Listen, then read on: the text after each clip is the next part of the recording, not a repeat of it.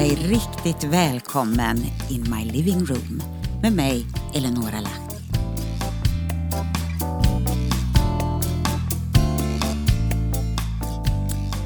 Idag ska jag läsa ett inlägg som jag skrev för en tid sedan som heter Faror lurar lite varstans. Och det blir mycket historia idag, men vet du, det är faktiskt väldigt bra att reflektera bakåt i tiden för att förstå framtiden. Välkommen!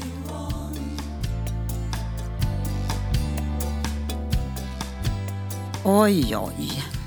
Ibland kan ett och annat bli rörigt och lite för mycket.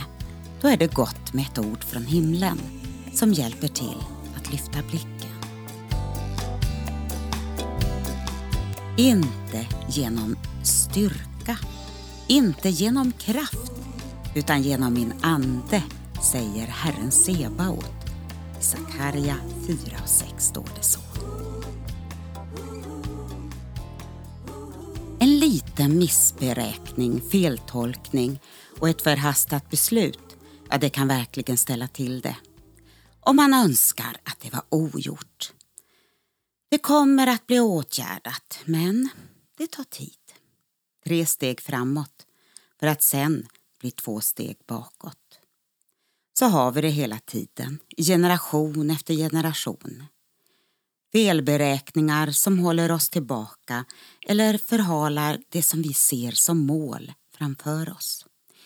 Ibland ger det konsekvenser för en dag och ibland ännu mera tragiskt för generationer framöver. Så blev det för det judiska folket och vi lider fortfarande av de feltolkningar som begicks de första århundradena i vår tideräkning. Judar och kristna. Och ersättningsteologin. När vi bodde i Jerusalem i början på 2000-talet så hade vår yngste son en kompis som hette Maor. En dag berättade hans mamma att hans stora syster som gick i mellanstadiet läste om korsfararna i skolan. Flickan var bekymrad över det hon fick lära sig i skolan och relationen till vår familj som var kristen. Jag minns att jag först blev lite upprörd i mitt sinne och tänkte varför ska de lära ut det när det inte längre är på det viset? En lite naiv och snabb tanke som flög genom mitt huvud. Men egentligen så visste jag väl inte själv så mycket kring detta, dess bakgrund och varför och vilka som varit inblandade. En historia vi inte så gärna vill veta av. Precis som vi lär våra svenska barn om svensk historia ska ju dessa judiska barn känna till sin historia. Oj, så mycket de har att lära sig och känna till. Och det är helt nödvändigt för att förstå händelseutvecklingen som hela tiden sker. Jag känner att jag behöver känna till historia för att förstå vår framtid som kristna. Och jag har skrivit en del kring det här ett antal gånger som eh, du på olika sätt kan läsa i min blogg eller kanske hitta i min podcast. Problematiken började främst när romerska hedna kristna blev pressade att antingen vara lojala mot sitt eget folk eller sina judiska trossyskon under de första århundradena. Sprickan blev ett faktum och ersättningsteologin började ta form där kyrkan ansåg sig vara det nya Israel. Allt judiskt hade blivit motsatsen till kristet och nu hade kyrkan på 300-talet börjat forma sin teologi utifrån detta. Hedendom med sin kultur blandades in men trots att det klart och tydligt fanns bibliska rättesnören att följa valde man att blanda in bland annat Sol Invictus, solguden, i nya högtider. Man gjorde även andra sammanblandningar med hedniska fester.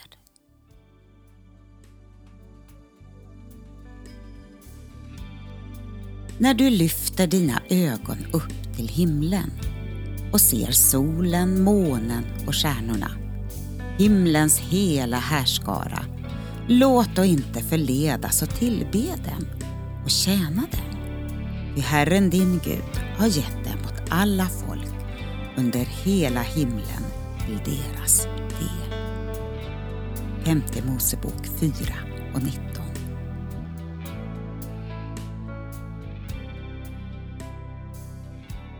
Guds tanke var att himlakropparna skulle vara ett tecken på tider, dagar och år som vi kan läsa om i början på Första Mosebok.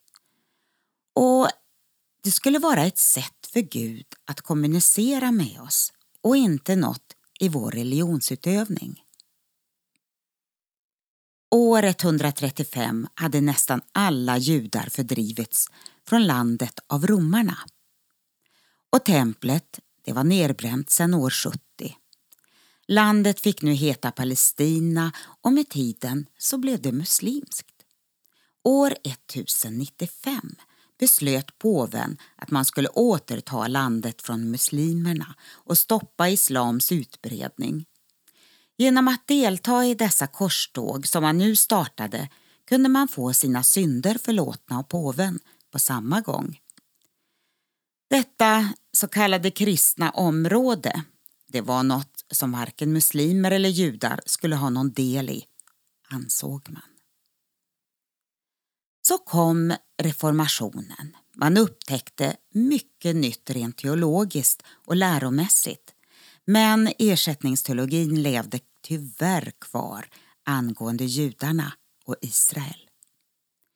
I den föreställningsvärlden levde den ryske tsaren kvar tillsammans med rysk-ortodoxa kyrkan och den öppnade även vägen in i vår tid för Hitler och nazisterna.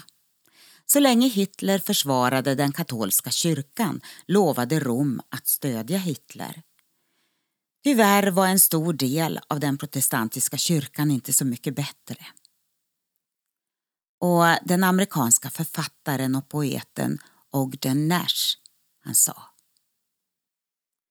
Så märkligt av Gud att välja juden, men inte lika märkligt som de som valde den judiska guden och hatar juden.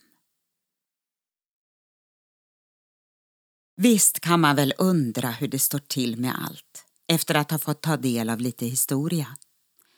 Vad har vi släpat med oss av fördomar och vad har vi gjort oss av med av det som var tänkt vara en vital del av tron? Att se skrifterna utifrån ett hebreiskt perspektiv, dess kultur och sammanhang tror jag kan berika oss in i en ny tid av uppvaknande och väckelse ibland oss. Det finns skatter att upptäcka och att återerövra men då samtidigt göra upp med en hednisk filosofi.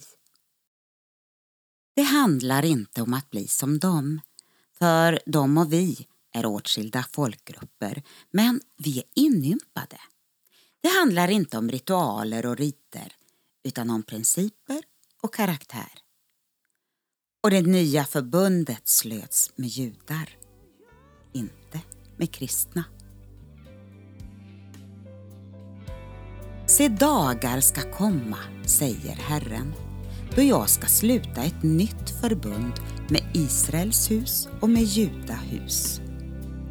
Jag ska lägga min lag i deras inre och skriva den i deras hjärtan. Jeremia 31, vers 31-33. Men det fantastiska är ju, vi får ändå vara med. I Romarbrevet 11 och 17 där står det så här. Du som är ett vilt olivträd har blivit inympad bland dem och fått del av det äkta äta olivträdets feta rot. Och det står rot och inte rötter. Men varför är det så viktigt att skriva och läsa om detta? Kan vi inte bara fortsätta som vi gör? I vår tid lurar faror lite varstans. Och här har vi en sån fara som så fint kamouflerar sig mitt ibland oss. Röster höjs mot landet Israel, det judiska folket och även deras tro som ständigt utmanas i ett sekulariserat samhälle. Så mycket enklare är det då inte att falla tillbaka på ersättningsteologins lugna vatten. Varför blanda in judarna i det här? Vi måste se sanningen i vitögat. Ersättningsteologin och islam står i samklang med varandra gentemot Israel. Det går inte att vara neutral längre. Ersättningsteologin måste dras upp med rötterna i alla våra kristna sammanhang och samfund. Det är någon som har sagt om kyrkan hade uppmärksammat Paulus varningar i Romarbrevet 11 så skulle historien ha blivit mycket annorlunda. Vill vi se väckelse i landet handlar det inte bara om mitt eget liv, min församling eller samfund. Inte ens reformationen som firat sitt 500-årsjubileum. Nej, vi måste gräva ännu djupare.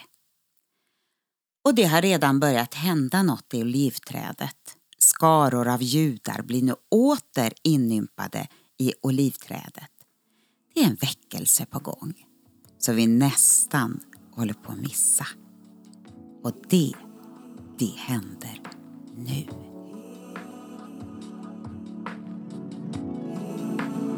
Herren har ställt sin tron i himlen. Hans konungavälde omfattar allt. Psalm 103, Psalm 103, vers 19,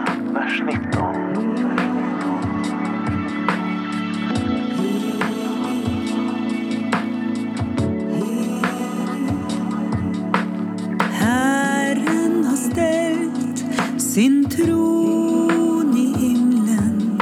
Hans välde omfattar allt. Herren har ställt sin tron